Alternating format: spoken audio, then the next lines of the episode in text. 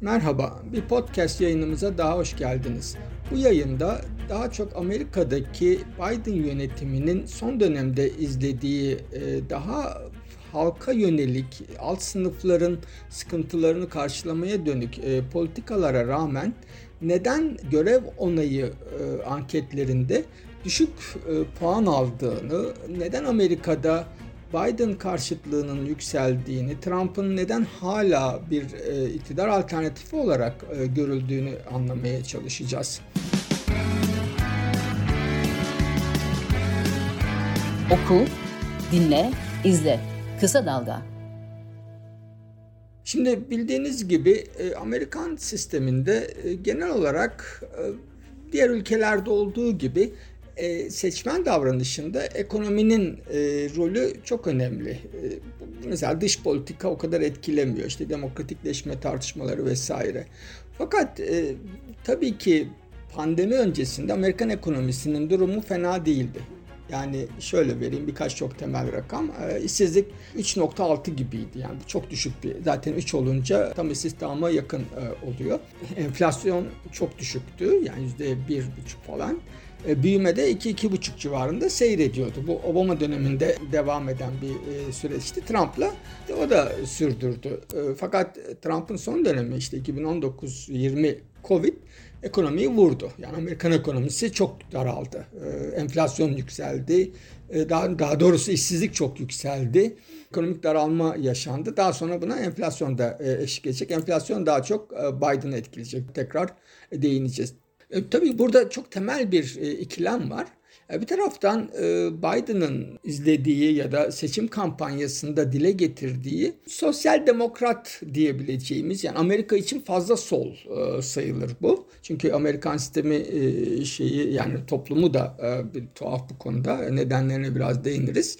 Bir taraftan işte alt ve orta sınıfların yıllardır devam eden sıkıntılarına cevap vermeye çalışan bir e, politika önerisi demeti e, işte işsizlik sigortasının genişletilmesi, sağlık sigortası, aile yardımı vesaire altyapı yatırımları tabii. Öte yanda da e, Trump'ın temsil ettiği e, ırkçı, yabancı sorunların kaynağının yabancı düşmanlığında arayan işte Washington elitleri diye böyle bir muğlak kategori yaratan e, siyaset anlayışı yani ikisi çekişiyor aslında. E, dolayısıyla da e, bu burada hani akıl bize şunu söyler. Eğer Amerika'daki sıkıntının altında e, Amerikan orta ve alt sınıflarının yaşadığı ekonomik sorunlar varsa hani Amerikan halkının da doğal olarak bu sıkıntıları gidermeye çalışan siyasete prim vermesi gerekir diye düşünüyoruz ama tam öyle olmuyor. Şimdi bir defa şunu söylemek gerekiyor. Amerika'da ne zaman işte sağlık sigortasıdır, alt sınıflara e, destektir, işsizlik e, sigortasının e, süresinin uzatılması vesaire dense Amerikan sağından ve toplumun bir kısmından çok sert bir tepki ve direniş geliyor. Yani Amerikan halkı uzun süredir bu tür sosyal devlet anlayışına karşı neredeyse bilenmiş durumda. Bunun tarihsel nedenleri de e, var muhtemelen. İşte Amerikan yani toplumun diyorum devlet çünkü daha sonra kurulur. Yani Amerika'da önce toplum vardır devletten önce. Koloni, kolonyal dönemde yani İngiltere tabii devlettir ama çok uzaktır. Yani yalnızca vergi alır falan. Dolayısıyla da e, kuruluş dinamikleri açısından çok kapitalist bir zihniyete dayanır. E, şimdi böyle bir yani ve bunun merkezinde de bireycilik vardır. Yani dayanışmadan çok. İkincisi bir de Soğuk Savaş döneminde kamu ve sol merkez sola sosyal devlet anlayışına dair şeyler çok olumsuzlandı. Yani bunlar hep komünist işi olarak görüldü ve Amerikan halkında bu fikir çok yerleşti. O yüzden de en küçük bir hani alt sınıflara, işte işsizlere, evsizlere, sokakta yaşayanlara, geliri düşük olanlara yönelik yardımlarda büyük bir şey geliyor, tepki geliyor e, Amerika'da burada da şu şöyle bir algı var. Hani bu mesela bize çok tanıdık gelmeyebilir. E, çünkü o dayanışmacı e, anlayış yani toplumsal siyasal kültür e, burada aşağı yukarı yok. Yani toplumsal dayanışma çok zayıf. Ha şu olur mesela işte trafikte e, dayanışma daha fazladır. Bizde de tersidir. E, Amerika'da böyle bir hani sosyal dayanışma devletin toplumu e, dair işte bazı noktalarda sosyal harcamalar yapması çok rahatsız ediyor bazı çevreleri. Şöyle düşünüyorlar. Hani biz sabah işte 6-6.30'da kalkıyoruz. Hani çok çalışıyoruz. Hani işimizi kaybetmemek için. Hani burası vahşi kapitalizmin hakim olduğu bir ülke. E ondan sonra biz vergi veriyoruz. Devlet de alıyor bu vergiyi çalışmayanlara aktarıyor. Yani biz onları finanse etmiş, biz onları subvanse etmiş oluyoruz. Şimdi böyle bir algı var Amerikan sağında. Ya bunu bir dayanışmacı, yani senin de bir gün başına gelebilir. Sen de bir gün işsiz kalabilirsin. Sen de sağlık sigortanı ödeyemeyebilirsin gibi algılamıyor. Ya ben çalışıyorum, o da çalışsın. Ben niye o çalışmayanı vergilerimle ayakta tutayım gibi bir anlayış var ve bu kırılamadı. Bu, bu anlayışın neredeyse e, Demokrat Parti içinde de uzantıları var. Yani Amerika'da bu bayağı güçlü bir e, yaklaşım. O yüzden de bir türlü sosyal devlet pratikleri e, işlemez Amerika'da. Yani toplumsal dirençle de karşılaşır. Yalnızca hani e, Amerikan hakim sınıfları, Amerikan işte sermaye kesimleri falan değil. Onun toplumsal karşılığı da vardır. Şimdi Biden seçim kampanya sırasında hani başlattığı, verdiği bir sürü söz var, vaat var. Şimdi iki tanesi çok önemli. Bunlardan biri altyapı e, yasası, infrastructure bill dedikleri e, çok büyük bir harcama kalemi aslında. Kırpıldı e, o da ama şeye Amerika'nın altyapı e, yani fiziki altyapısı çok eskide aslına bakarsanız. Hani birçok yerde yollar, e, elektrik sistemi, su sistemi e, inanılmaz bir şey. Yani hani e, savunmaya bütün dünyadaki hani kendisinden sonra gelen bilmem kaç ülkenin toplamı kadar para harcayan, dünyanın her yerine paralar akıtan hani yok İsrail Mısır ordusundan Ürdün'e işte bilmem nerede ki üslere falan askeri iş askeri işgallere Irak ve Afganistan'da milyarlarca dolar harcayan Amerika'da birçok e, yerde e, havalanlar eskimiştir mesela. Yani biraz da böyle bir sorun var. Yani bir şey ilk yapa ilk, ilk başlarda yaptığınızda o eskiyor ve onu sonra yenilemek biraz daha çok zaman alıyor falan. Yani yollar, köprüler falan çok ihmal edildi aslına bakarsanız yıllarca. İşte bunu biraz hani ekonomiyi biraz canlandırmak hem burada işte iş gücü alanları açmak hem de biraz piyasaya şey para akıtmak. Belki işte bu alandaki şirketlere, inşaat şirketlerine biz bunu çok yakından biliyoruz, tanıdık bize. Bunları biraz e, güçlendirmek gibi bir e, yat şey bu. Kamu kaynaklarının e, piyasaya aktarılması bu şekilde. Şimdi bir tanesi bu. Diğeri ise daha farklı. O doğrudan insani altyapı dedikleri yani human infrastructure dedikleri e, sosyal daha sosyal devlet anlayışına yönelik e, harcamalar.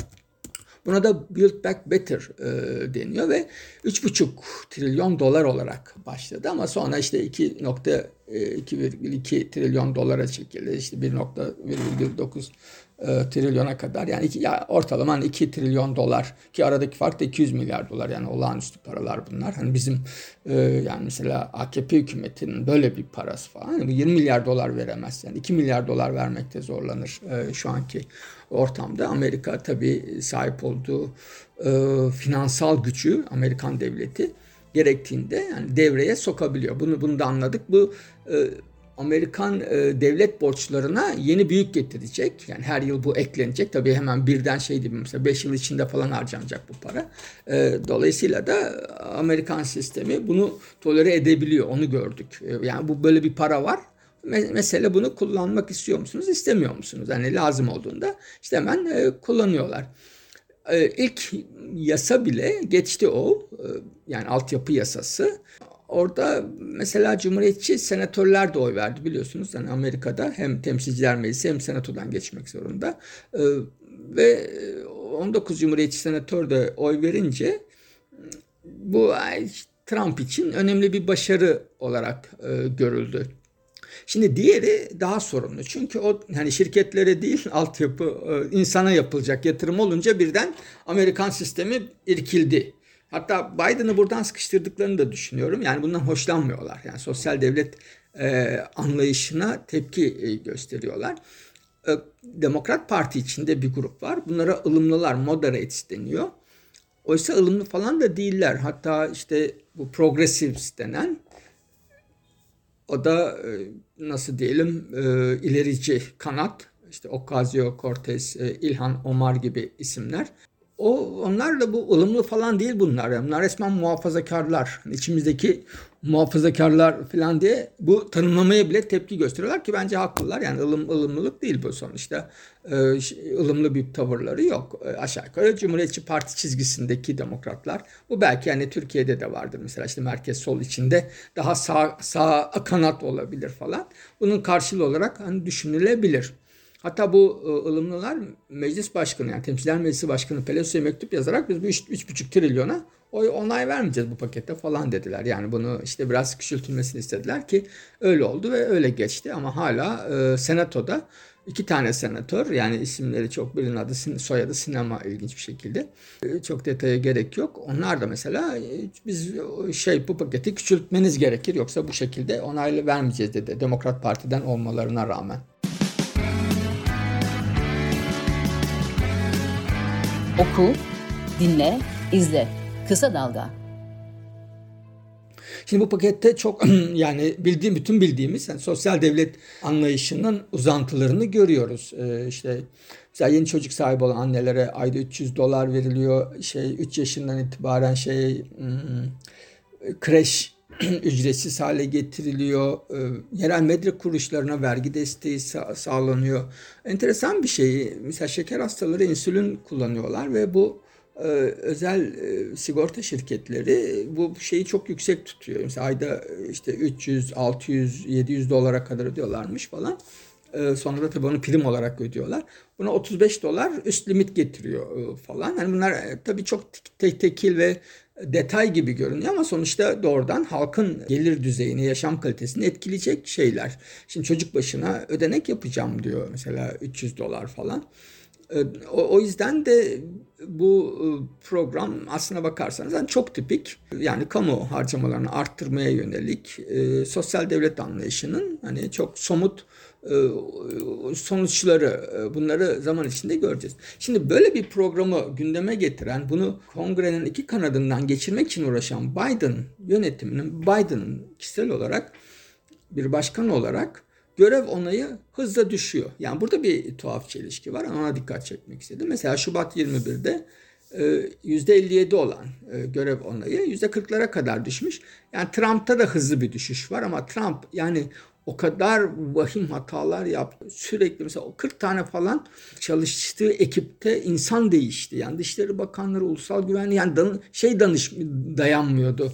Yani bakan ve üst düzey görevli dayanmıyordu. Mesela Beyaz Saray'da Beyaz Saray Sekreteri denen bir pozisyon vardır. Ee, o şeydir, e, çok kritik bir görevdir. Mesela o çok değişti falan. Hani e, yani çok önemli bir pozisyonu.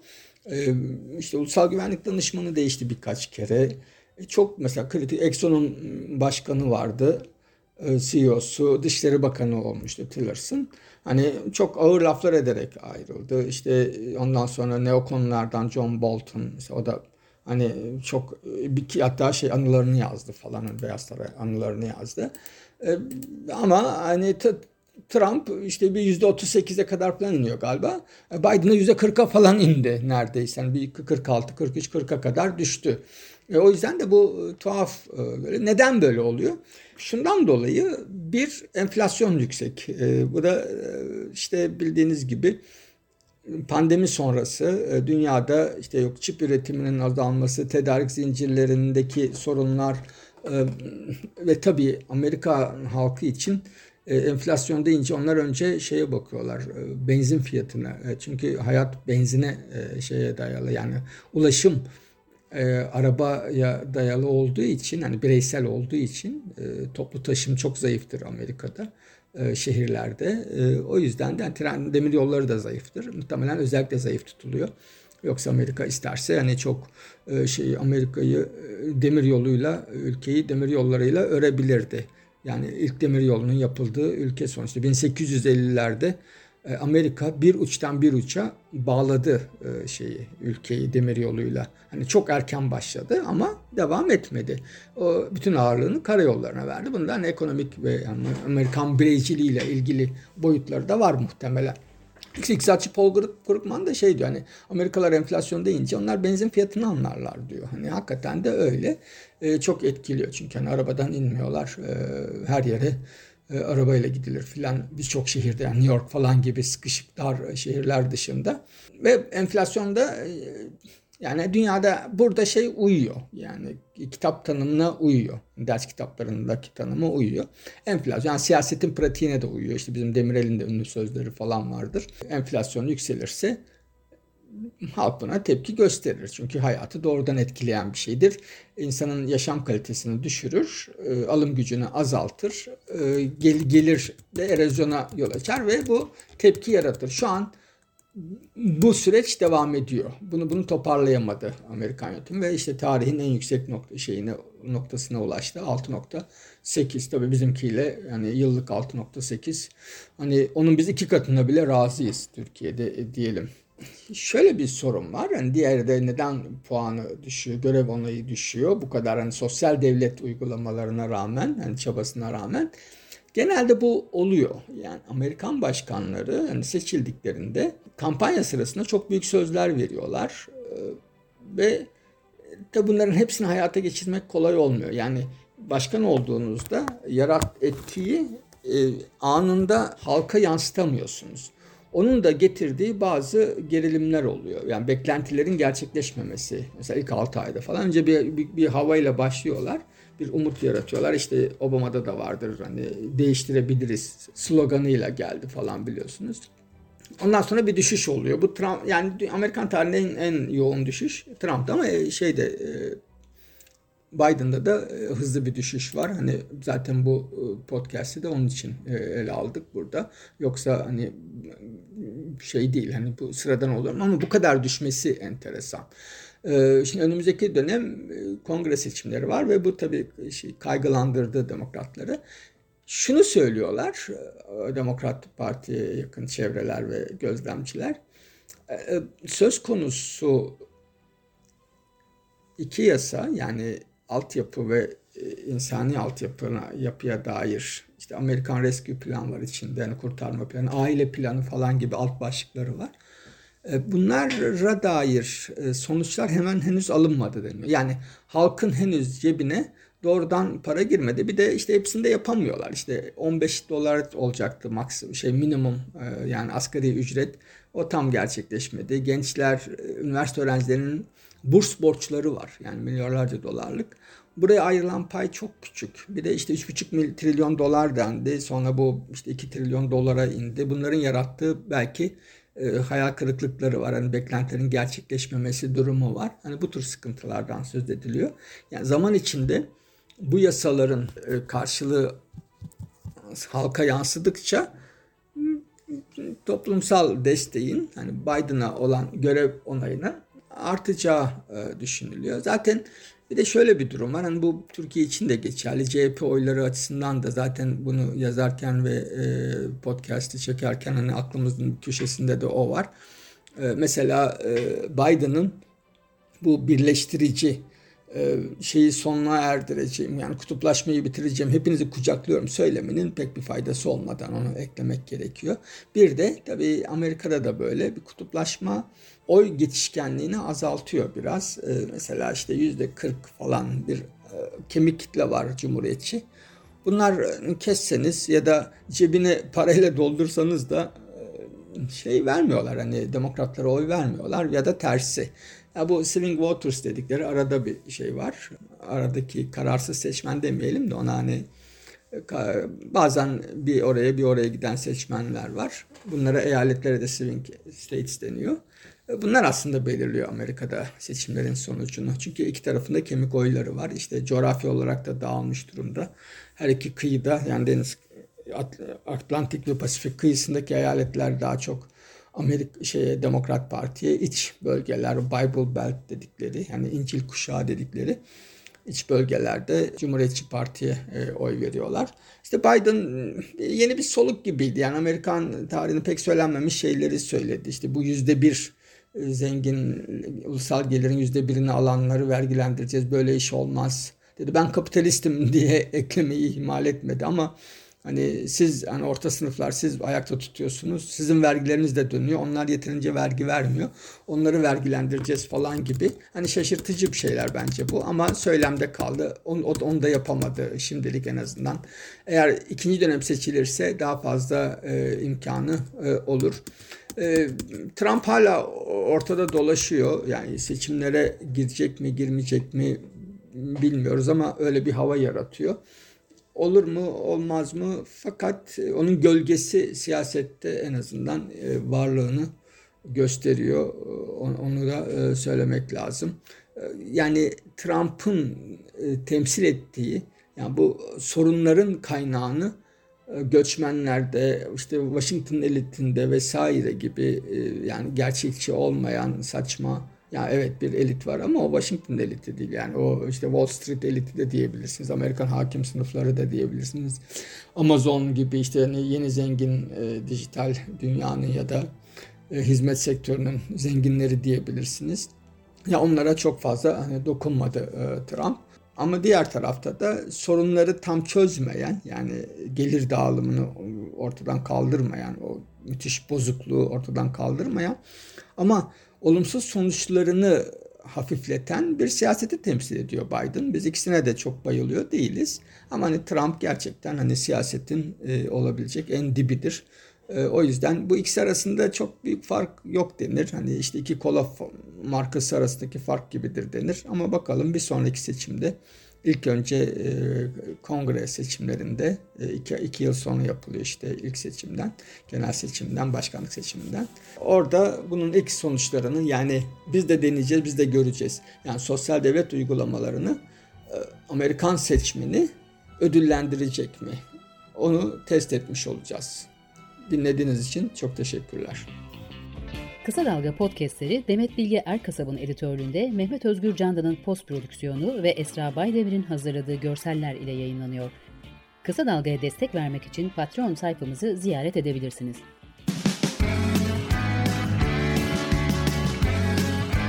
Oku, dinle, izle. Kısa Dalga.